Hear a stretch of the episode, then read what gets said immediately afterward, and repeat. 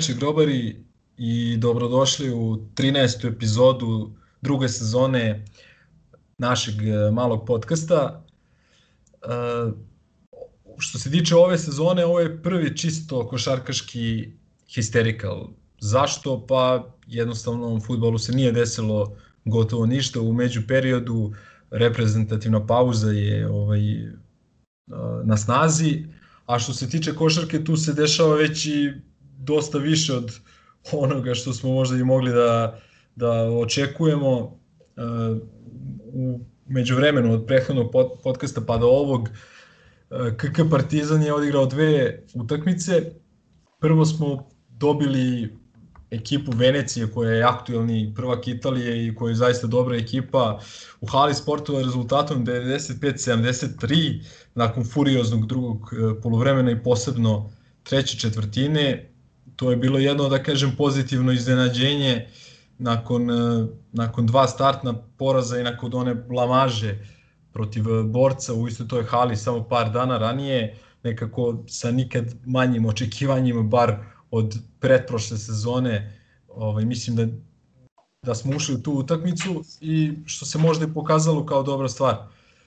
Tako da, ovaj, da kažem, to je bilo jedno pozitivno izađenje, ali nakon toga, nažalost, i bolno otrežnjenje u subotu veče i ovaj, nakon jedne, da kažem, spektakularne utakmice za neko objektivno oko za nekog posmatrača sa strane. Nažalost, mi smo uh, izašli kao poraženi iz utakmice koja stvarno već sad pretenduje da bude utakmica sezone što se tiče ABA lige. Dve jako kvalitetne ekipe, igrali smo protiv odlične budućnosti koja zaista napravila vrhunski tim i mislim da mislim da stvarno imaju realne šanse da se bore za titulu ABA lige i za visok plasman u Evrokupu.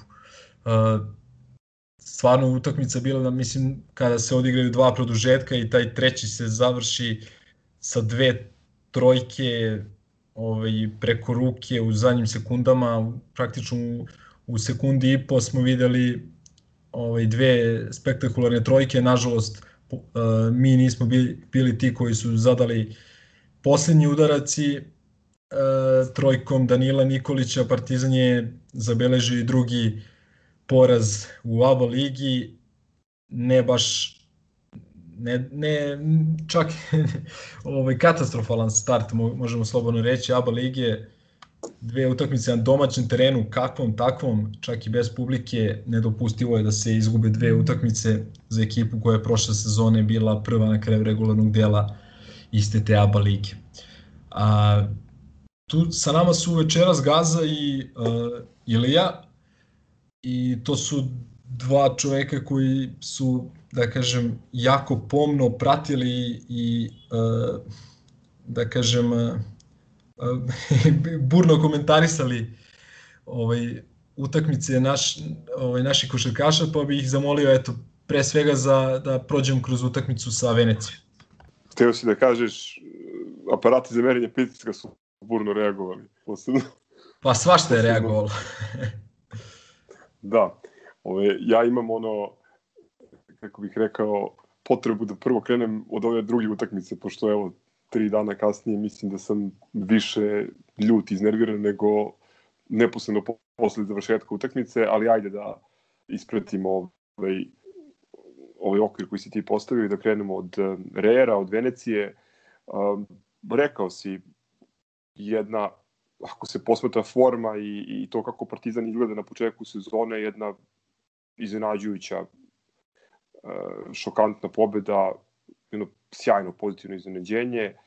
Ono što je meni ovaj glavni utisak te utakmice da smo mi njih potpuno rasturili i da nije bilo ono u samom finišu onih ćerelinih kratkih ovaj, napada i, i um, da kažem, lakih poena da bi ovo išlo lagano na, na, na plus 30. Presudio je definitivno ofenzivni skok i to što je ta neka sjajna energija koju je Partizan pronašao pre svega u trećoj četvrtini koja je ranijih sezona bila kritična i problematična, e, iz te sjajne energije Partizan je uspeo da neutrališe i lošiji šut za tri i lošije bacanje. Vratit ćemo se na to, pošto imam interesantan interesantno poređenje ove dve utakmice. E, znači, protiv Venecije šut za 3 27%, protiv budućnosti 26%, na obe utakmice 9 promašenih slobodnih bacanja.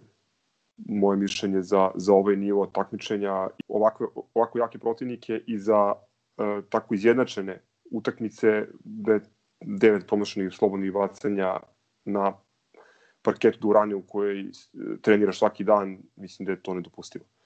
Um, još samo jedna stvar, uh, kada je reč o, o Reru, um, jako mi se dopalo uh, to kako igrao CMM, Uh, to je ona direktna igra, igra u tranziciji, napada, brzo napadanje koša. Mislim da mislim da radi upravo ono o čemu smo razgovarali u prethodnom podcastu kada smo mm, analizirali njegov realno ono slab učinak na prve dve utakmice i prisjećali se kako izgledao u ekipi Olimpija Cedevite, um, gde mu je to bio upravo najveći, najveći kvalitet. Pokazao je, mislim, kako izgleda kada, kada je raspoložen za 25 minuta 18 poena, samo jedan promašaj uh, za dva, čak šest asistencija. Uh, to je ovaj CMM koji, koji može da donese jedan poseban ofenzivni kvalitet ekipi. Uh, druga stvar, inteligentno smo kao i prošle sezone na onoj prvoj utakmici u, u Veneciji uh, napunili Deja penalima i, i vrlo brzo izbačen iz igre. Uh, jedan fantastičan igrač koji može da igra na više pozicija, jako težak za branjenje zbog onog karakterističnog šuta, visokog luka, čovek, mislim, pričali smo i privatno, prosto mi nije jasno da, da, da i dalje on ostaje u, u Veneciji, jer definitivno ima kvalitet za, za, za mnogo više.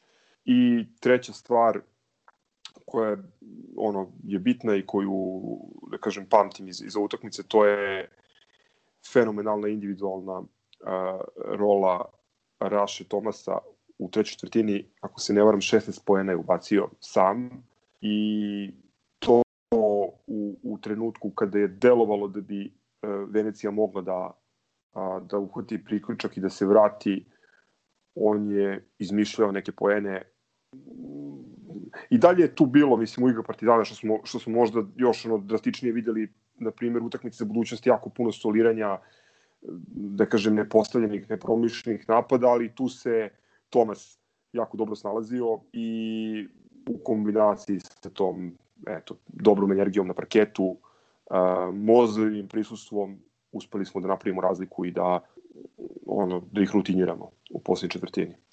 Eto, toliko o Veneciji, ovaj, kao što rekoh, mislim da je ova druga utakmica mnogo zanimljivija i da ja u, u nekim poređenjima možda mogu da se izvuku ovaj, značajniji neki zaključci. Pa dobro, što se tiče mojih utisaka, negde delim stavom većina ovoga što si rekao. Činjenica je to utakmica koju smo dobili, a trebali smo jedina princip od ove četiri. I ono što je zanimljivo meni je recimo da je posle ova dva kiksa koje su znači, bilo Badaloni protiv borca, po prvi put znači, išćepa neke radikalnije poteze vuko. Znači u smislu recimo da mu je Trifa igrao Badaloni vada 23 minuta, znači protiv borca 15 kada od uopšte znači nije ni ulazio u igru.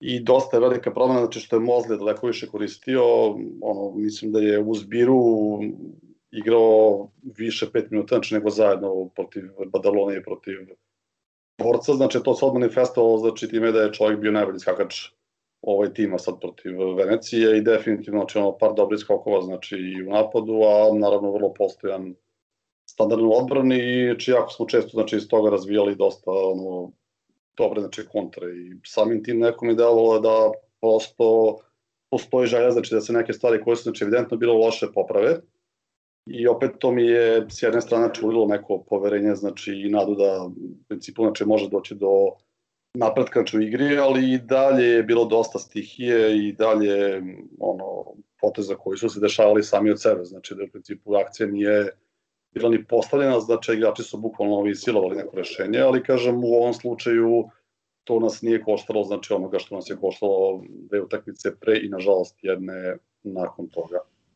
Suštinski ta utakmica znači je jedina koja do ove četiri znači zapravo ono govori znači da ovaj tim može nešto da uradi zbiljnije. ne samo zbog samoga skora, znači nego je činjenica da igra stvarno drugom povremenu bila ipak drastično oči bolje i gledali smo Partizan koji vratno svi želimo da gledamo.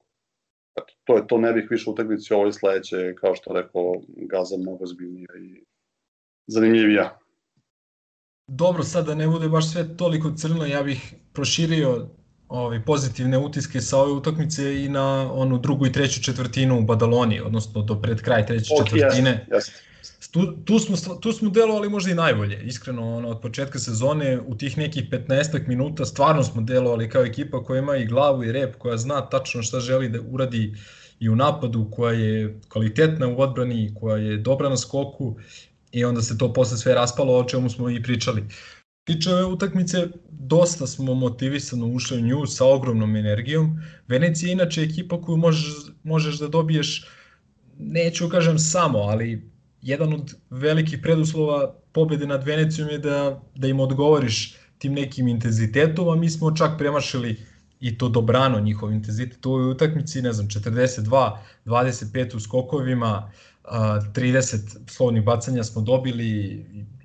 Što se tiče pojedinačnog, učinka igrača, čini mi se da je Ogi Aramas bio taj koji nas je vukao u prvom poluvremenu, i da su to posle preuzeli uh, Cody Miller i pre svega Thomas. Ovaj, Thomas nekim individualnim rešenjima kada se kada je bila utakmica u tom nekom egalu na početku treće četvrtine i onda je Miller McIntyre uh, tempom bukvalno ih je udavio što se kaže obojica su mislim sva trojica su uh, jedini ovaj dvocifreni bili u našoj ekipi u toj utakmici i ono što je interesantno Tomas 22 poena za samo za manje od 17 minuta u igri i kao što si Gazo rekao da li 16 poena isključivo u trećoj četvrtini mada i on nije najbolje ušao u utakmicu jer je napravio dve brze lične greške i pretio je taj scenariju koji se desio i i Ostinu Deju ovaj, da jednostavno sam sebi izbaci iz utakmice. Ono što je isto pozitivno,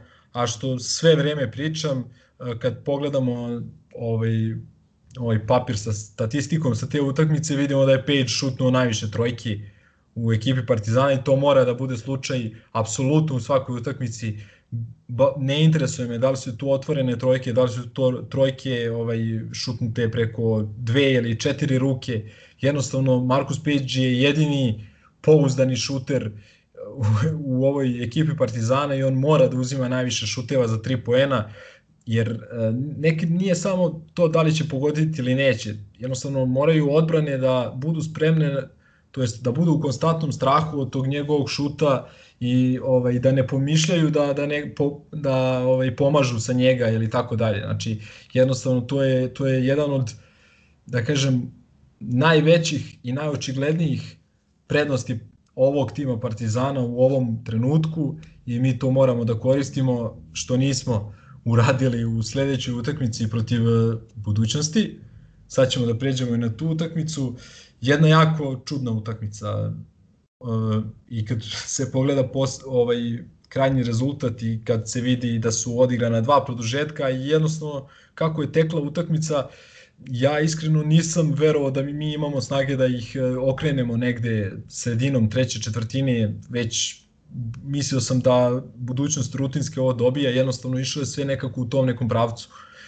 Ja uopšte nisam očekivao da ćemo mi njih da pobedimo. E, ne samo zbog e, ove, naše situacije, već i činjenice da oni ove sezone igraju jako dobro, imaju, kao što si rekao, vrlo kvalitetan tim, kompletiran. E, u svakom slučaju ekipu koja je mnogo bolje izdiferencirana i uklopljena nego naša i to su i pokazali na otvaranju Eurokupa dve, dve pobede protiv uh, ove Metropolitansa i čini mi se su Brešu dobili u Morači.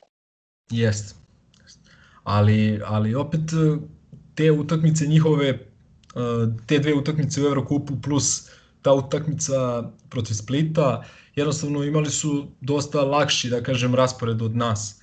Ovaj, i, ovaj, bili su na tom, da kažem, donekle dalekom E, putovanju u Francuskoj. Mi smo izašli nakon e, te velike pobede nad Venecijom i više sam mislio u, u smislu tog nekog momentuma da imamo šansu. Što se tiče ovoga, stvarno mislim da su oni jako kvalitetna ekipa sa jasno ovaj, uspostavljenom hjerarhijom, ovaj Willi Reid nije došao za sada da čašćava prisustvom, nego stvarno igra ono, pošteno, i, a ima kvalitet da doprinese timu.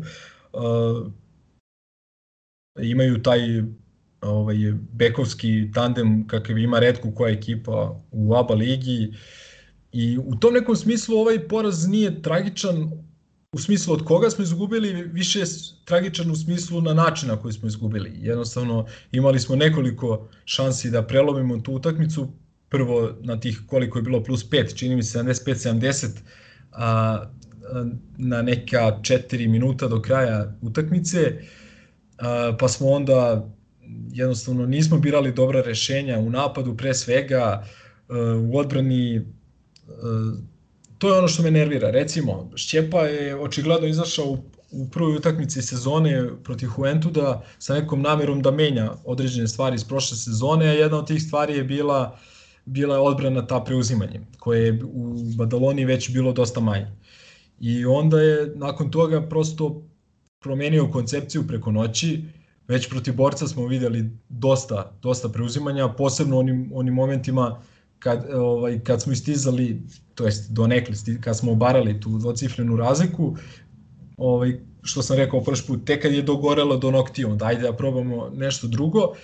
I, ovaj, I sad se to prelilo na naredne utakmice, pa i ovu, gde jednostavno u završnici utakmice i u završnici produžetka a, to nije bio dobar potez, zato što smo, ok, nismo primili poene nužno kroz ta preuzimanja, ali smo dopuštali veliki broj ofanzivnih skokova zbog, zbog upravo zbog tih preuzimanja gdje je, ne znam, Apić uh, uzeo loptu Page-u i ko, je, ko sve ne i jednostavno iz, iz tog nekog drugog napada i druge šanse smo primali poene s kojima smo ovaj, sad, dakle sa tim jed, jedan skok nas je praktično delio, delio od pobede. Uh, isto sam isticao i pre utakmice, dakle Danilo Nikolić jednostavno moraš Znači, postoje ono, ne, neko protiv nekog odigra vrhunski, znači, mnogo bolje nego u nekom proseku. Recimo tako i Tomas protiv Venecije, kad pogledaš Tomasove statistike protiv Venecije još u dresu Sasarija, pa u ove tri utakmice u Partizanu, ti misliš da je to najbolji igrač u Evropi. Jednostavno, znači moramo, morali smo Danila Nikolića drugačije da branimo, Ajde, doći ćemo, Ali, doći ćemo nije, i do toga. Nije samo on, nije samo on, nije samo on. Mislim, ti si u najavi utakmice pomenuo, budućnost ima u ovom rosteru četiri igrača koji su uvek ono vanredno inspirisana protiv Partizana. Uh, Kobs, Sulo Čehović, koji ja ne znam kada će čovjek da u penziju, stvarno više ne mogu da gledam njegove trojke iz, iz, iz ugla. Po, mislim da je ponovo šutirao 100% ili, ili, ili blizu 100% protiv nas. Uh, već si pomenuo Danila Nikolića koji je uvek ovaj, najbolji na parketu kada, kada igra protiv nas i e, tu je Japić koji je u, znao da nam pred, ono, pravi velike probleme kad igrao za FNP. Ovaj, to je sad ponovo, ura, mislim da je pomenuo si taj skok u napadu, e, mislim da je posle toga Nikolić dao e, poene za, za, za produžetak, to je jedan od poteza koje je potencijalno rešio, rešio ovu utakmicu. Ovaj, to sam samo još jednu stvar da kažem, pominjao si odbranu, ovaj, e, ja mislim da je protiv budućnosti ta odluka da se igra kombinovana odbrana zapravo napravila e, preokret, ako se ne varam, u e, trećoj četvrtini, e, jer je sa preuzimanjima i to ako se ovo sećam, Zagorac je tu Zagorac je tu odbranio nekoliko ozbiljnih napada i uzo par lopti. Mi smo od 53-63 to je maksimalnih 10 razlike za budućnost, to je bilo neki 28-29 minut, mi smo za 6 minuta došli, napravili 16-0. E, ali slažem s tobom da je kasnije ovaj, se pokazalo da, da ta preuzimanja, e, ako nisu vežbana na treningu, ovaj, definitivno mogu da, da, da dovedu do ono potpunog e, kraha ekipe i doći ćemo do ovog posljednjeg napada njihovo koji, mislim da je ono napad koji se crta na treningu. I meni nije jasno da mi nismo mogli da odigramo čvršću odbranu, imaš znači igrača protivnika koga znaš da uvek igra neverovatno ono inspirisano protiv tebe. Na toj konkretnoj utakmici u tom trenutku on šutira bez promašaja, znači nema njenan promašaj na utakmici i ti dozvoljavaš da on šutira. Mislim, nije to bio, ljudi tamo očajali u pominju Nolana Smitha, nije to šut sa, sa pola terena ili ne znam, šut iz okreta. E, to je ono, čist, čist nacrtan napad sa, sa, sa treninga, gde, gde svom najboljem i najinspirisanijem šuteru postavljaš ono, jednostavan blok i ostavljaš ga sa jednim od nižih igrača protivnika gde on pogađa trojku. To je to nije loša sreća, to mislim da je loše postavljena odbrana. Da, da, e, i mislim da budem, da budem potpuno jasan, ja nemam ništa protiv ove odbrane preuzimanjem, posebno u tim e, završnicama napada ili završnicama utakmica i, i čak što više mislim da ova ekipa Partizana ima stvarno, mislim što je pokazala na kraju krajeva prošle sezone, ima mogućnost da igra igra dobro odbranu, ali ovaj, šta meni recimo je zasmetalo? 37 minuta Markusa Pejđa, 3 poena, 4 šuta za 3 poena, a ovaj dok recimo Danković nije ni jedan šut, ni jedan šut u produžetku. Ni jedan šut, ni jedan šut. u oba produžetka. A, za to vreme Dangubić uzima šest šuteva, to jest ne uzima sve on, znači neke su mu jednostavno protivnička koncepcija je da, da se pusti Dangubić, da, mislim, oni žele da on šutne što više trojki. Ra, Rade Zagorac pet trojki, Arama sedam. A, opet kažem, Page mora da šutne najviše trojki u svakoj utakmici Partizana, osim na utakmicama gdje recimo zbog faulova nema nema neku minutažu ili ali uh, imaš Page-a toliko dugo na parketu i žele, očigledno je bila na, e, ovaj, cilj ekipe budućnosti da Page ostane sa višim igračem u mis meču, upravo zbog tog potencijalnog problema na našem defanzivnom skoku kod tog preuzimanja. Znači imaš Page-a koji nije e, dovoljno agresivan u napadu ili ga ti ne koristiš dovoljno, pa izvedi ga onda. Razumeš, igraj sa Zagorcem i sa Dangubićem. Da a ne bi, je, a ima da ne... četiri faula u tom trenutku, tako da je ovaj, Milić je jasno I to, išao na to što to. ti kažeš. Znači, znači, uh, znači prosto, prosto jednostavno, ako imaš, uh, da kažem, pejđa koji ti nije preterano upotrebljiv tamo gde treba da bude upotrebljiv, a to je na napadačkoj strani terena, onda ga izbaciš da ne bi, mislim, odbrana ne trpi nužno sa njim, ali kroz ta preuzimanja trpi, na, trpi skok. A onda ubaciš Zagorca, Dangubića, staviš Zagorca lupam na dva, Dangubića na tri ili obrnuto, ovaj, ko, koga čuva nije ni bitno.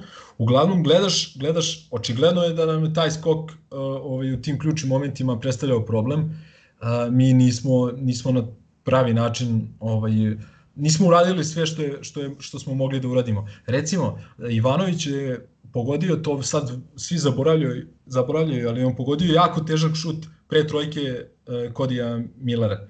Uh, mislim preko Mike, čini mi se. Baš težak šut je pogodio uh, i to je recimo bilo preuzimanje i to je bila dobra odbrana. To sad kad, mislim, kad kažeš ovaj, odbrana koja je rezultirala primljenim poenima, ali nije, nije uvek sve u tome da li si primio ili nisi poene. Baš... Dobro, to je bio nerealan šut u poslednjem napadu, kao što kažeš, preko, preko centra, po sredini koša, više šut iz očaja. E, do, dobar, dobar primer. Ima tu još jedna stvar kada je reč o, o preuzimanjima i, i, i branjenju skoka u produžetku. Ja sam iskreno očekivao, to je druga stvar koja me ono frustrira sad ovako u, u, u kada posle utakmice razmišljamo i, i diskutujemo o, o nekim detaljima, to što e, ti si znači izbacio relativno brzo e, Vilija Rida, za koga smo znali da će praviti najveći problem u, u reketu Um, izbacio si ovog uh, Edžima isto, koji je na 3-4 ozbiljan problem, jer je ono, fizički je prisutan isto, stalno se šunja na, na, na defanzivnom skoku pre svega. Apić je ispao takođe sa pet penala, Apić koji je odigrao 15 odličnih minuta i po meni mislim da je bio jedan od igrača koji su presudili uh, u njihovu korist i bilo bi logično u toj situaciji u kojoj je jedini visoki preostali igrač budućnosti uh, ono ne previše iskusni Zoran Nikolić da, da ćeš da napadaš na niskom postu ili malo više da pokušavaš da, da, da eksploatišeš taj ispraženi reket. Uspeli smo evo kolektivno da se setimo dva napada tačno koje su odigrana za centre i to je onaj jedan uh, gde je fauliran, Nikolić mi se faulirao uh, Mozlija pa je šutirao bacanja za, za produžetak, odnosno za pobedu.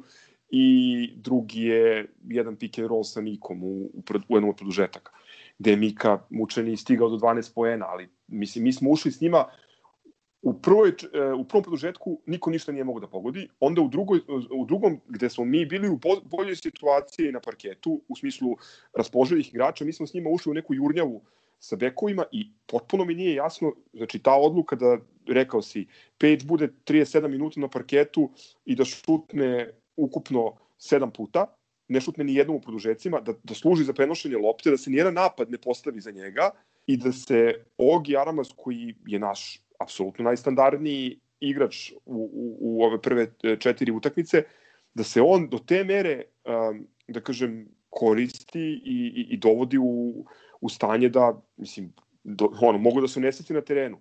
Stalno su se neke izolacije postavile za njega, stalno ovaj, se od njega očekivalo da iz 1 na 1 ili iz neke ono nenormalne situacije reši, uh, reši u napadu. Tu smo imali mnogo drugih opcija, eto, osim Page-a, ovaj, koji je služio kao ono priručno sredstvo za prenos lopte, Zagorec tu možda mogao nešto da uradi, Gordić kome nije išlo protiv Venecije, protiv ovaj, budućnosti je bio manje slab i on je tu možda mogao da pomogne. E, ništa nismo. Nikola Janković je ne zna da li ulazi uopšte u, u produžecima mislim, nije, nema on sjajnu sezonu, ali u ovoj situaciji smo možda sa, sa, sa nekim ono malo jačim igračima mogli ne samo da poboljšamo skok, nego i da pokušamo da idemo na jednostavnije i ono, na, lakše poene.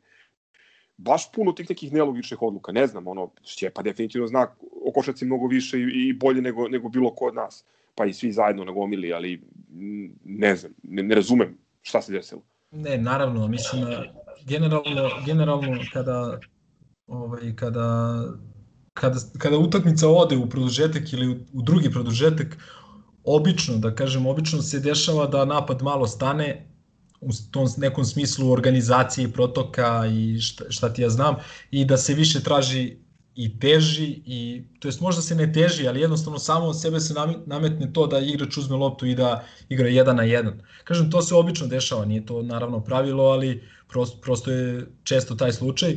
A, Jaramazu svaka čast stvarno na, na, i pre svega i hrabrosti i želji koju je pokazao i na kraju krajeva onim poenima, mnoge poene izmislio. Ok, možda je mogao u dve situacije da odigram kvalitetnije, možda, ali bože moj. A, šta sam teo da kažem? Da, šta, šta je recimo meni zasmetalo? Zasmetalo mi je recimo da onaj napad u regularnom toku utakmice za praktično za produžetak ili pobedu mi uh, igramo sa Mozlijem na terenu uh, zato što pr prosto uh, to je bila znači najverovatnija opcija da će onda dobije loptu iz pick and rolla. Znači bilo je nacrtano tako da čini mi se Jaramaz uzme loptu i da se igra pick and roll i to je prosto bila velika verovatnoća da će Mozli dobiti loptu. Uh, Mozli nije neko ko, ko, je, ko može da često da iznese koš uh, uz kontakt, uh, prosto za, više zavisi od, mislim, uh, više zavisi od te, te neke vertikale da prikuca loptu ili da dobije loptu na layup ili što se sigurno neće desiti u poslednjem napadu na utakmici. Dakle, bilo je jasno da, da će on, kažem, nije bilo jasno, ali verovatno da će on dobiti loptu iz tog pika i da će biti fauliran. Uh, zašto se tu recimo nije sa Mikom, koji mislim, kakav god da je, a pokazuje neke znake života u odnosu na onu prvu utakmicu u Badaloni, ovaj, opet je znatno pouzdaniji e, i igrač iz pick rola i šuter, šuter sa, sa, sa linije slovnih bacanja. To mi je, to mi je onako neka zamerka, sledeća zamerka mi je onaj katastrofalan napad iz koga je Cody Miller McIntyre pogodio trojku, ono je stvarno neverovatno. I, da, da, da, da. Znači, Taj napad je ilustracija Partizana ove sezone u malom. Ako da.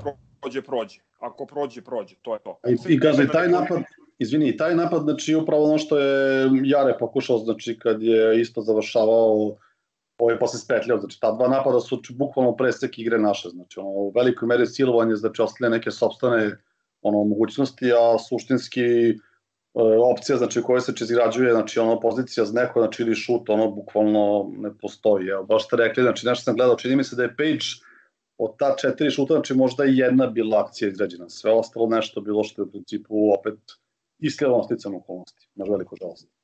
Ima sad jedna tu specifična okolnost vezana za Page-a, jer Page dosta zavisi od tog bloka od lopte, da kažem, tog pin downa ili flare blokade uh, gde mu centar postavlja loptu, a blok, a lopta je na drugoj strani. Ovaj, I uh, sudije od ove sezone, dakle od ovog leta, mnogo češće sude tu faul u napadu u tom bloku. Znači, mora taj blok da se postavi stvarno malte ne perfektno.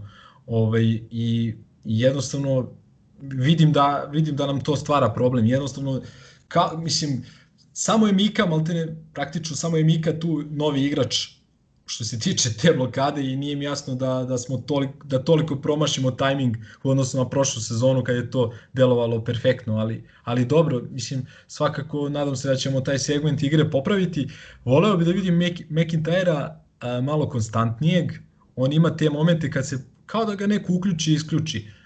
Ima, dakle, rekao sam, tu drugu i treću četvrtinu u Badaloni odličnu, onda u četvrtu, četvrtoj nema ga nigde. Tako i ovde nije ga bilo dugo i onda je povuku u tom drugom produžetku, dao onaj koš iz prodora, ukrao loptu, čini mi se, eh, pa na kraju i tu trojku koja nije nešto što on pogađa ovaj, u visokim nekim procentima, tako da ovaj, voleo bi da vidim njega interesantnije, ovaj, konstantnijeg i još jedna interesantna, uh, interesantno zapaženje, dakle oni su ostali bez uh, Willi Rida, uh, aj dobro, manje više bez Willi Rida, ali ostali su bez uh, Edžama i bez koga su još ostali, bez Apića, Apić. da. E, uh, recimo kod, kod tog poslednjeg auta, uh, kod te, ovaj, njihovog poslednjeg izvođenja lopte, sad ima, ima tu dosta priče, recimo sad je bila, bila situacija, recimo kada je Toronto, Boston igrali u NBA i ist, bila je slična situacija s tim što je bilo do, još manje vremena. Bilo je tipa 0.6 ili 0.7. I ovaj, trener Bostona je uveo najvišeg igrača, ali stvarno čovjek ima preko 2.20, da brani to uvođenje auta, odnosno da smeta tom igraču koji, koji uvodi loptu. I uh, mislim, to je nešto što treneri obično radi.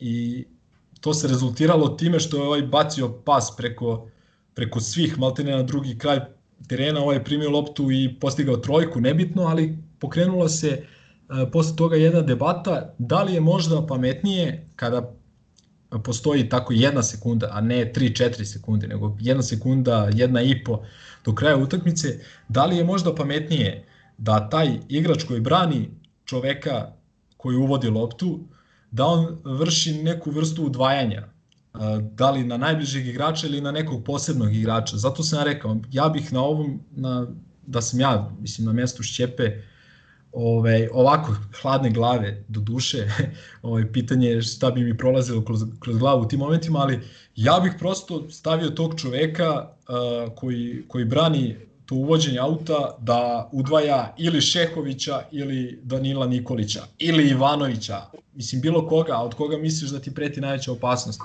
ili jednostavno opciju tog nekog e, prvog pasa na najbližeg igrača ili igrača koji je u najboljoj poziciji. Tako da mislim, mislim da je to možda eto jedno, jedna tema za razmišljanje ovaj, koju, kažem, posle te utakmice Boston-Toronto je, mnogi su je izneli, ali stvarno mislim da bi nam pomogla u ovoj, u ovoj situaciji, jer ti ovde praktično zavisiš od jedne miskomunikacije, kao na kraju krajeva i onaj Parahuski i, i Ritas Dakle, praktično jedna loša... Da, znači, jel to se dešava, znači, ta, to, to se dešava, prosto uh, kod tog preuzimanja to mora da bude maksimalno, maksimalan fokus i maksimalno dobra komunikacija. A videli smo Denver kako je on jednu utakmicu zgubio ovaj, od Lakersa. I to se dešava, to je prosto znači, najbolji igrači defanzivni na svetu, ovaj, to, to jednostavno desi im se takva greška i u tom nekom smislu mislim da je da bi da je to možda mogla biti odluka koja bi nam donela drugačiji rezultat. Naravno, ništa mi od ovoga ne bi pričali da je Nikolić promaše tu trojku, mada opet, čak i da smo dobili tu utakmicu, opet ostaju neka pitanja ovaj, nakon, nakon te predstave u subotu.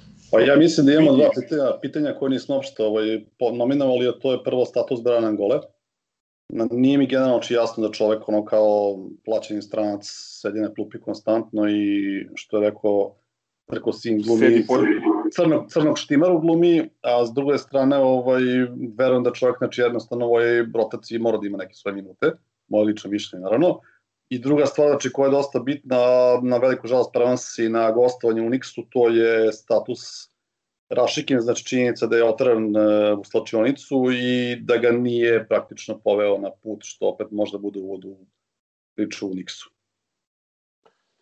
Da, da, da, to, je, to su apsolutno bitna pitanja, a, a u vezi sa ta, ta dva pitanja, mislim, možemo da razgovaramo malo i, i o pojedinačnom učenju nekih drugih igrača koji deluje, imaju kod Šepanovića dosta veći kredit od a, nekih prvotimaca koji su prošle godine pokazali koliko mogu i koji, pa ajde sad, posle četiri utakmice možda možemo da kažemo koji nisu upotrebljeni na pravi način ovaj, e, kao podrška za timsku igru. Samo sam teo da kažem e, još jedan komentar pre nego što peđemo na, na, na Unix, e, na ovo što je Lemi rekao. Apsolutno, budućnost je mogla da nas pobedi, mislim, mogao je da pogodi Ivanović onu trojku s pola terena, vrlo je lako moglo da se desi da kod ima McIntyre ne pogodi onaj očenički šut iz, iz, iz, iz ugla u poslednjem sekundu napada. Zapravo frustrira to što smo u pripremni utakmice znali otprilike ko su igrači tu ih preti najveća, najveća opasnost i što e, u tom odsutnom trenutku, ono, sekundu i četiri stotinke do kraja, nije postavljena odbrana bolje od ono, jednog ono, labavog postavljenog labavo postavljene igre na treningu. Danilo Nikolić malte ne posred koša iz onako čiste pozicije male verovatno će promašiti. Stvarno, to je, to je jedina stvar koja me, koja me ovde frustrira i slažem se, verovatno bi puno ovih stvari ovi bilo na, na, na, na tapetu i pričali bi o njima i sve i da smo pobedili. Jer sad već mogu da se uoče neki, neki trendovi u, u, u igri, neke dobre stvari kao što su jeli, malo dobre stvari kao što je taj skok u napadu koji a, koji je, da kažem, nas držao u, u igri i, i, i protiv Venecije i protiv budućnosti, ali kao što su slobodna bacanja, šut za tri i ta nedefinisana podela uloga u timu, o, o čemu smo već govorili u prethodnom podcastu.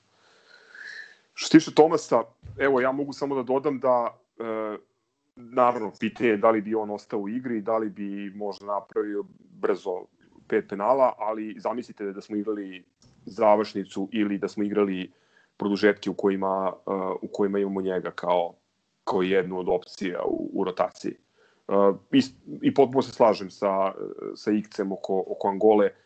Pričali smo o tome ranije, jedan ono, po meni dragocen kombo igrač koji može da odgovori na razne zahteve i da se prilagodi raznim ono, situacijama na parketu uh, u situaciji u kojoj, evo, ponavljam, mi imamo problem sa šutem, imamo uh, loše izvodimo penale, uh, u poslednjem napadu imamo problem, ja ne vidim da bi uh, da bi Brian Angola ono, štetio nešto igri ili sigurno da bi bilo lošije nego pa ja ću sad usuditi se da kažem Stefan Janković ili, ili čak i Dangović. Da, Angola svakako ima svoje kvalitete, ima, ima neki talent koji možda može da pretvori u neki još veći kvalitet i ima, donosi tu neku vrstu fleksibilnosti. Ovaj, videli smo ga i protiv borca da je igrao ulogu praktično sekundarnog playmakera, e, može odgovori na pozicijama 2 i 3, je, jedino što ima, da kažem, nema baš neko vrhunsko telo za poziciju 3, ali ima tu neku vrstu žilavosti neke i, i neke košarkaške inteligencije da nadomesti, nadomesti te neke fizičke nedostatke.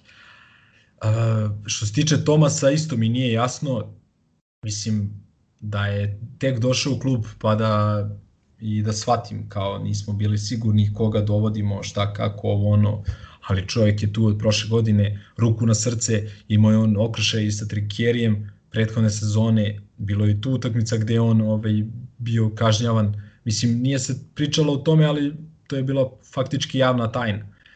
Ovaj, videlo se na nekim utakmicama da je dobio i mnogo manju minutažu od one po koju, koju možda po kvalitetu zaslužuje, ali jednostavno znači, imao si cijelu prošlu sezonu da praktično odlučiš da li je to igrač za tebe ili nije. Ovaj, procenjeno je da jeste i sad kad ti kažnjavaš nakon četvrte utakmice i ne ide na gostovanje, ne ide na gostovanje gdje po mom nekom mišljenju on je bio ta karta na koju treba da igramo, zato što je zato što je njegov mečap bio taj Pavel Antipov, kome ja mislim da on može bez problema da stavi 20 poena, opet kažem, za neku, za neku solidnu minutažu, 25 minuta. Da, je, Potpuno pazi. logično, pazi, pričali smo, izvini, pričali smo, eto, protiv Rejera i on bio čovek odluke, praktično, uz, uz uh, CMM. Znači, nije, ne, ne govorimo o lošim nastupima u kontinuitetu, ne govorimo o tome da je on sad, osim toga, mislim, komentarisali smo više nego jasno da je da se dove u red, očigledno da je vodio računa i, i o ishrani i o izlastima verovatno, uh, da bolje trenira, uh, šut za tri je popravio. Mislim, ne znam, ne znam da li je pravi trenutak da Šćepanović baždari ovaj, da kažem, autoritet i da, i da, i da nameće u treći slučionici i to preko, mislim, igrača koji nam realno značio u, u, u ovoj situaciji. A ne, u smislu nekog e, potencijala ili to nekog plafona, što vole Amerikanci da kažu oni Jarama su naši potencijalno najbolji igrači. I, mislim, individualnim kvalitetom, da se, da se ne lažemo. Ok, možda, možda i Cody Miller McIntyre voleo bi da se nametne. Ovaj, ali e, ne, naš, ne znam, ja, u principu nije ni on cvećka i ne, ne bih ja sad stavljao ruku u vatru da, da je recimo da, da Šćepa nije u pravu ili ali prosto Ne, ne, ja to ne kažem. Ja ne da, da, da. kažem, ja ne kažem da je da je Tomas u pravu, samo kažem da ozbiljan trener mora da izmeri sve ove stvari o kojima mi pričamo. Naš, šta bi se desilo? Evo, ja te sad pitam, jeste ono ŠVB, KBB, šta bi bilo da smo imali Tomasa u, u finišu utakmice, kad je krenula ovaj, budućnost da hvata priključak, ili u, u produžetu, da smo ga imali kao rešenje na parketu. I sam si rekao, uh, Pavel Antipov kao, kao match-up, znaš, šta, šta nam je sad? Nije, nije baš da imamo obilje opcija na, na, na toj poziciji. Tim pre što po meni dva igrača koje, koje Šćepanović gura na četiri su, za mene lično su ono vrlo upitni. Uh, ajde sad, konkretno Stefan Janković koji napravi jednu dobru stvar, ono, dobar je na ofenzivnom skoku bio protiv Venecije, pa i sada, ali onda iza dobrog poteza slede, tri loša i ono, očena selekcija faulova, ponovo, mislim, ja, ja stvarno ne znam ono da, da ne može ono da se koncentriše ili da ne mogu na treninzima malo, malo o tome da povedu računa. Gaj dobro je isto, mislim, ja nisam fan od početka, ti si pomenuo tih šest šuteva, ne kažem sad da je on nešto silovao, ali sama ideja da on bude u situaciji da šutne šest trojki na jednoj utakmici, ja znamo da je najlošiji šuter u ekipi posle verovatno Mike, za tri da, znaš, to prosto mi, mi, mi ne stoji. On ovaj, u velikoj meri je, a mislim, skroman mu je učinak u napadu. Nije, nije to sad neki, nije to sad neko rešenje koje može na utakmici protiv Unixa koji znamo svi kako igra. Tu će, tu, to je potencijalna utakmica s najvećim brojem poena. A ne, ne znam da li mi imamo na četvorci dobro rešenje u, u ovoj situaciji. Zagorac isto. Izvini, kod je komplikovano što u principu ovaj, imaju ono, ozbiljno skakača, znači čak mislim da ovaj John Brown da je možda najbolji skakač trenutno Evrokupa, znači ono je sad, opet vraćamo se na temu, znači ono i naših centara i naših četvorki, zagrađivanja i svega ono što u principu nije baš vrhunski radilo. A što se tiče Jankovića, mi smo to više puta konstatovali, u pitanju je čovjek koji ima verovatno čino vrhunske predispozicije, znači, ali problem njegove glave mislim da jednostavno ne reši kroz karijeru pokazivao da ono, konstantno može da očekuje što što ti rekao, znači jedan potez dobar koji odbar uše tri loša. Tako da ja mislim da njega u budućnosti samo tlak može da skače dalje i da je to neki maksimum koji ćemo gledati. Pa da, mislim, pazi, mi smo sa Banetom Đekićem otišli, otišli na Final Four Euro Ligi kao rezervno četvorku, tako da u tom nekom smislu da da Tomas, da se Tomas forsira da radi ono što treba i može da radi, onda to možda i ne bi bio toliki problem. U ovom, u ovom trenutku mi dosta zavisimo od te druge četvorke. Novica će se skinuti, on je otputovao za kazanje, ali pitanje je sad koliko Novica može. Ne znam, konkretno za Antipova, ja mislim da njega, da tu minute neke defanzivne na njemu može da dobije Dangubić pošto više je pretnja šutem treba nam neko ko će, ko će tu, to, to da, da, da oduzme tu neku vrstu pretnje, a daleko, mislim sad mi pričamo o Antipovu, da ljudi ne shvate pogrešno, on, daleko od toga da je on njihov najbolji igrač. Ovaj, nego Ma nije, sam... ni, nije ni u prvih šest igrača. Mislim, da, da, da, ali, ali, ali ja, sam, ja sam prepoznao recimo konkretno taj matchup Tomas Antipov kao našu veliku šansu. Ovaj, nešto na, kroz šta bi mi trebali da, da, da ih napadamo. Tako da, nažalost, ostali smo bez toga, vidjet ćemo, ne znam, ja bih volao da, da, da, da nas demantuju i Šćepanović i igrači, ovaj, ali Ja jedva čekam utakmicu, ja jedva čekam utakmicu i ovaj, pre nego što sam čuo to da su Angola i, i Rašika otpali uh, 12, ja sam ono, imao neku suludu, uh, neki suludi optimizam se negovao, valjda, ne znam, zasnovan na tome da ovaj Jamal Smith ne može da šutira ovaj, doživotno, ono, na svakoj utakmici kao ludi ludak. Uh, drugo, da, ovaj Unix, oni, oni jesu kompleksan protivnik toliko što imaju dve, ajde kažem, skoro ujednačene petorke i nisu oni uh, u reketu u toj meri, uh, da kažem, dominantni da mogu da nam predstavljaju uh, problem. Da, pomenuo si Johna Browna, ili treći ili četvrti, koji je? Treći. Zona, Zona Brauna trećeg, da, ovaj, koji jeste dobar, dobar skakač, onako, pre svega igra s tolim osjećajem za skok, ali nije on fizički, mislim, daleko je od, od, od Vilija Rida, da se ne lažemo. Uh, šta su im ostale rešenja u, u reketu? Kajma Koglu, koji isto ima 200 godina i ne znam nikoliko igra, uh, slovenački nekadašnji reprezentativac Jordan Morgan, ovaj, koji isto, ja mislim da igra onako promenjivo. Nema mislim, tu... da ima, mislim da ima neki problema s povredama, pa zbog toga. Hoću da kažem da nije tu u reketu toliki problem koliki će biti problem zaustaviti ove njihovo rešetanje i divljanje s polja. Ajde da se nadamo, pošto su dobili ove Turke, to sam gledao, na, dobili su ih uh, na jednu loptu, uh, a pre toga su, s kim su igrali oni u prvom kolu? Pukli su od Venecije u, u Italiji. Eto, Ovaj, I to prilično lako, na kraju je bilo sedam razlike, ali u pojedinim trenucima bilo i 20 i nešto.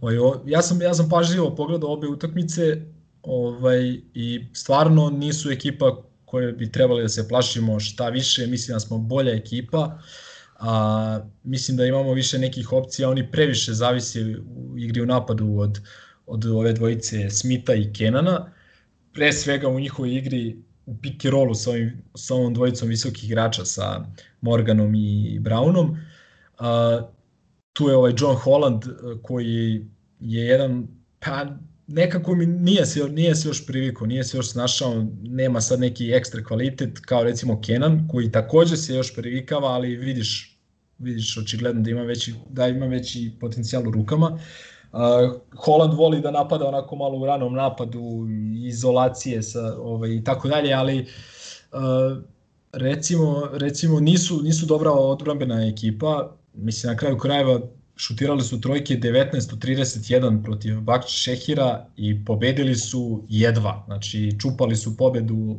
u zadnjem napadu i imali su, ovi Turci su imali šut za pobedu čak. Uh, Tako da ovaj, ni, stvarno nisu ekipa koju bi trebali da se bojimo. Sad kažem opet, opet smo u nekoj specifičnoj situaciji nakon jako bolnog uh, poraza na jedan tragičan način, malte ne. Tako da vidjet ćemo, dosta zavisi od nas, kakvi se mi pojavimo, kao i protiv Venecije u Beogradu, ako mi odigramo ono što treba da igramo ovaj, i ako ponovimo tih nekih 15 minuta iz Badalone ili tu, drugo, tu drugo polovreme iz Venecije, stvarno imamo šanse. Mislim, stvarno verujem da smo, da smo kvalitetni od njih. Ja samo mene malo brine iskreno ovo je ova situacija sa Rašikom s obzirom da u principu na što definitivno može da poremeti neku energiju i hemiju koja znači onako nije bila na nekom spektakularnom nivou sad. Daj Bože da grešim da to možda čak bude ono i pozitivna stvar, ali onako neko, znaš, pošto je posle konflikta sa Gordom, pa onda sa ovim delom je to neko, sad sve ide u nekom smeru koje možda ne bi trebalo za ovu fazu sezone. Da, da, i što se tiče Angole, apsolutno se slažem. Mislim, ja stvarno vidim njemu neku poziciju i mesto u rotaciji, ali ovaj opet, čekaj, zašto plaćamo stranca da bude 14 igrač u rotaciji? Znači, prosto nismo u toj situaciji, prosto i jednostavno. Znači, nismo u toj situaciji uz svu neizvesnost oko ovog covid da li će se igrati, da li neće, a, jednostavno nema, mislim, što si zadrži igrača ko, koga ne planiraš da koristiš. I pritom, Mali Trifunović već dve utakmice did not play u statistici. DMP. Da. Nama treba zapravo u kazanju uh, igrač koji će da odigra kao Vlado Šćepanović protiv Urala. Na onoj utakmici gde su pokušali da nas izvaraju Euroliga 2001-2002 da. sa spuštanjem koševa. Pa možda Vlado da se skine. Pa ne znam, nadam se da ima neki, neki plan, da ima neku minijaturu u glavi. Treba nam neko ko će da da 40 pojena. Šalim se malo. Um, da, sve si, sve si rekao. Me, meni je zapravo žao jer sam ovde video prostor da možda jednim ono neočekivanim breakom napravimo napravimo jedan, da kažem, jednu promenu ono, atmosfere i raspoloženja u slučajnici i može da se ekipa malo, malo sabere. Ali ostaju, mislim, ostaju jako malo vremena, jako loš aspored i ostaju ti neki problemi koji, koji su nerešeni. Meni je na trenutke delovalo zaista kao da, kao da su se naši igrači ono, prvi put, jedini put videli ono, jutro pred utakmicu, ne znam šta su radili na pripremama i dalje to deluje mislim deluje čudno ponavljam ono veći deo tima je ostao na okupu pomoći trener koji je radio sa njima zašto potreba da se po svaku cenu neke stvari menjaju nije to samo ova odbrana o kojoj smo govorili i, i ta preuzimanja nego i u napadu ne znam, jako, jako, je, jako je čudno sve. Ali ajde, ajde da se nadamo. Ono, nismo hteli u, u prošloj epizodi Hystericala posle dva početna poraza nešto da mračimo i da učestvujemo u ovim prozivkama Šćepe, ali vreme definitivno ne radi ovaj, ni Partizanu, ni njemu u, u, u prilog. Treba nam, treba nam dobar rezultat. I onda za vikend, na isti dan, kad je derbi, idemo u, u železnik protiv... Um, Mislim nije isti dan. Uh, radničkog. Da, da pomerenje, pomerenje. Subota 9 uveč. Da, da, pomerenje futbala u nedelju je sad. Nedelju da. futbol, da. Ništa, ja bih složio ga stvarno da je mnogo bolje da pobedimo nego da izgubimo, tako da... Ne. Vi, više puta je dokazano Definitivno, da. u praksi. Ovaj, I još jedna mala crtica, vidimo da ima sve više slučajeva zaraze koronavirusom u Euroligi. Jednostavno, postoje dosta timova koji su desetkovani, a, recimo Zenit, Himki, tako dalje i vidimo i slučajeve gde recimo kao naš kapiten Joffrey Lovernj ovaj, prvo je bio pozitivan, pa sledeći test negativan, pa još jedan test negativan, što znači da je prvi bio lažno pozitivan, kako se to sada kaže. Tako da mnogo je to nekih, baš je veliki cirkus i ko zna šta će od svega toga biti.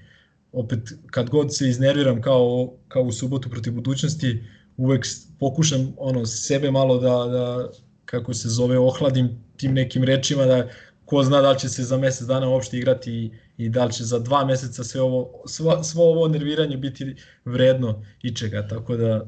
E, ali tu imaš potpuno, ono što mene dodatno nervira, što imaš potpuno jednu inverziju i ono potpuno obrnutu logiku. Uh, kad se poredi sa situacijom prošle sezone, kada smo ono, mi negde strepeli i, i znali smo šta će da se desi, ali smo se nadali da će, pošto je odigrano ono, veći deo sezone, da će stvari da će se pronaći način da se stvari privedu u kraju. A ti sad imaš, valjda zbog toga što je i takmičenje u finansijskom problemu i klubovi su u problemima, e, sad imaš malte ne tendenciju da se ovo gura po na svaku silu, cenu. Da. Po svaku cenu da se pretvaramo svi kao da je ono COVID-19, odnosno Čović-19 isto što i ne sezonski grip, nego ona laka prehlada i da, eto, guramo dalje, da, eto, slučajno ne bi ono, Jordi ostao bez, bez sponzorstava. A ono, rezultat toga je jedna po meni ekstremno, ekstremno nepravična situacija. Gde ćete gore od, od ove situacije koju smo komentarisali prošli četvrtak, e, a tiče se publike? Znači, ti imaš Francusku koja ima, ja mislim da je ona u top 5 država u Evropi po dnevnom broju inficiranih, gde je potpuno normalno da, e, da Burž ima maltene rasprodatu halu, a mi igramo hendikepirani bez ono minimuma koji je koliko, 20%. Da. U, u zemlji u kojoj zvanično uh, ima naj, najmanji broj novificiranih, kažem zvanično, ne kažem da to zaista tako, u, u, u Evropi. I sad, mislim, potpuni jedan ono voluntarizam i, i vašar i mi smo, kako god okreneš, u, u nekoj neugodnoj situaciji. I ne znam, ne znam da bi i prekid sezone dono bilo šta, bilo šta dobro. Partizan, možda ne znam kako bi se finansijski kako bi finansijski izneo još, još, još godinu dana bez ono prihoda od, od ulaznica. Baš je loše. Da, da, da, pa mislim 99% klubova mislim da ne bi preživelo sezonu ovaj, bez, bez utakmica, bez tog novca TV prava, ako ništa drugo. Isto videli smo primer, ovaj, to sam baš vam pisao ovaj, pre neki dan, Juventud recimo protiv nas igra sa onih 30% užasno iritantne publike, sad recimo juče protiv Bilbao igraju bez publike, znači svega desetak dana nakon toga, ovaj, tako da totalno neregularno ono, baš, baš, baš, baš nekako nesportski sve ovo deluje i sve je bukvalno daj da se igra po svaku cenu i onda te još više boli to što se nije odigrala završnica ovaj, prošle sezone, ali šta da se radi. Kako si, brate? Kako si? Kako si? Ništa ljudi, bilo je to sve od nas za 13. epizodu druge sezone podcasta PFC Hysterical. Nešto smo u boljem raspoloženju, delimično boljem raspoloženju nego u prošloj epizodi iz prostog razloga što je ovaj, prošlu sezonu smo dočekali nakon dva poraza, ovu nakon jednog poraza i jedne pobede. Ajde da se nadamo da ćemo sledeću dočekati nakon, nakon dve pobede. E, to bi bilo sve od nas i šta da vam kažem, čuvajte se i čujemo se uskoro. Ćao. Ćao. Ciao, brate. Salim ti prijetna dan.